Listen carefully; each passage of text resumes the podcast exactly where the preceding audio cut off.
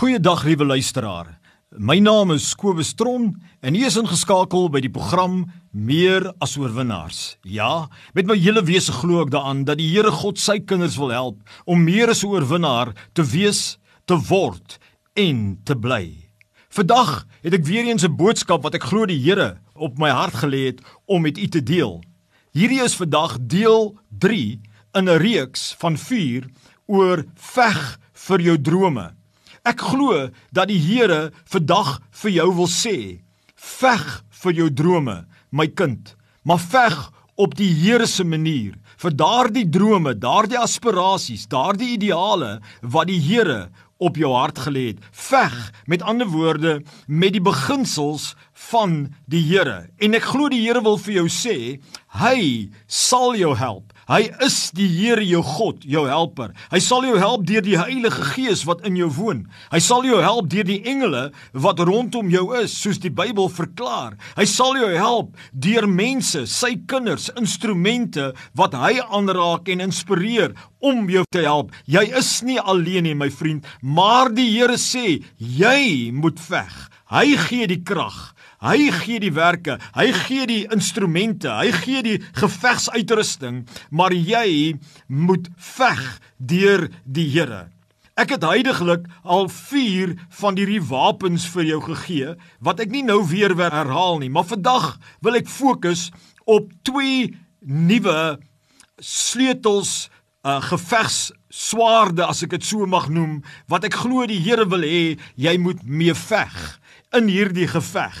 En hierdie ene, die 5de ene in hierdie reeks is dit. Reg? Gaan en kry Godgegewe raad van volwasse koninkrykskinders of bedienaars. Ek noem dit die beginsel, the principle of advisory of die beginsel van beraadslaging.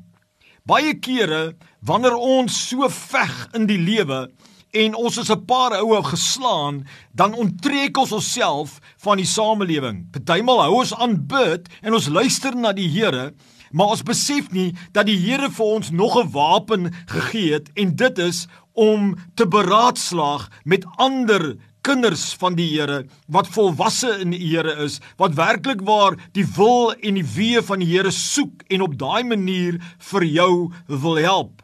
My vriend, Dit het 'n geweldige krag in die lewe om nie te probeer alleen oorlog voer nie, maar om te gaan wanneer jy voel jy's plat en wanneer jy voel jy kan nie meer nie, reg om 'n afspraak te maak met 'n bedienaar van die Here en jou saak te stel, te wend soos die Engelsman sê en toe te laat dat daardie persoon namens die Here inspraak lewer in jou lewe en dan dit te vat wat jy daarmee getuig in jou hart en dan daardie instruksies gaan uitvoer, daardie raad volg. In Spreuke 20 vers 18 sê die Here die volgende, hy sê planne kom deur beraadslaging tot stand. Voer dan oorlog met goeie oorleg. Met ander woorde, hy sê ons veg, maar ons moet veg nadat ons beraadslag het. Ons moenie dit op ons eie probeer doen nie. Ek kan net vir jou sê, my vriend, daagliks in my lewe of gereeld, weekliks, reg, beraadslag ek met ander leiers, met ander spanlede, met my wederhalf, reg, in my geveg vir die drome wat die Here God op my hart gelê het. En dan kom daar terwyl ons praat is daar oomblikke wat ek weet nou praat die Here deur daardie adviseurs. En dan vat ek daardie raad en dit vorm deel van my Godgegewe strategie wat ek dan gaan uitvoer. En wanneer ek dit uitvoer dan veg ek die oorlog met goeie oorleg. My vriend wanneer 'n mens praat met iemand anderste wat wys is in die Here dan kom maar 'n ekstra kalmte oor jou ekstra stabiliteit En wanneer jy praat met iemand en daardie persoon praat met jou, kom daar 'n goddelike wysheid in jou hart in. En dan kom daar strategieë en jou planne word vasgelê in die Here as planne van die Here. En wanneer jy dit dan gebruik en gaan veg en gaan uitvoer, dan kom jou deurbrake, dan kom jou suksesvolle uitkomste want dan veg jy op die Here God se manier. En die Here wil verlang van jou om te veg op sy manier. Gebruik hierdie instrument wat die Here gee, die beginsel van beraadslaging. Maar dan die tweede een van die dag, die 6ste een in die reeks is hierdie. My vriend, hierdie is baie baie belangrik. Dit is seker vir my die mees belangrikste een en dit is gehoorsaam die geesgeleide instruksies of strategieë wat die Here God vir jou gee. Onthou net hierdie woorde my vriend. Hoe het Josua Jerigo se mure laat val? Hy het 'n strategie gehoor van die Here. En hy het die strategie met die volk van God gaan uitvoer. Reg? Sê vir my, reg, hoe het die Here Jesus wonderwerke van genesings laat plaasvind? hoe hy het die instruksie van die Heilige Gees gevolg en in die instruksie van die Heilige Gees het die wonderwerk gelê.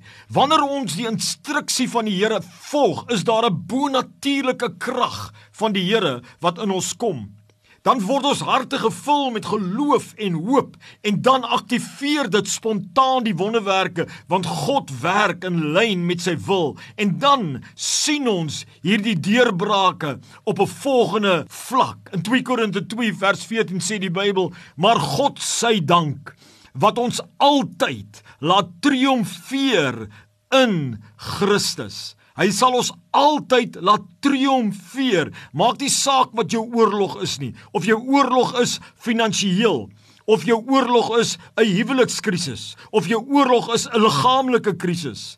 Maak nie saak wat nie, God sal jou lei. En as jy daai leiding volg, word dit die grootste wapen in die hande van die kind van die Here. Dit is die groot aanvalswapen. Ek glo wanneer die Here Jesus sê hierdie woorde in Matteus 7, waar hy sê vra en jy sal ontvang, soek en jy sal vind, klop en jy sal oopmaak. Glo ek, klop en die deur sal oopgemaak word vir jou. Glo ek wanneer jy die instruksie van die Here volg, is dit 'n klop. Dis 'n klop teen 'n deur wat een of ander tyd bo natuurlik oopmaak. My vriend, ek wil jou bemoedig vandag. Wees 'n warrior in die Here. Moenie gaan lê nie. Die Here is met jou. Jou deurbraak kan môre om die draai wees. Staan op. Kyk jou drome in die gesig wat God op jou hart gegee het en hou aan veg met die krag van die Here. Saam met die Here is jy meer as oorwinnaar deur Christus Jesus wat jou die krag gee. Amen.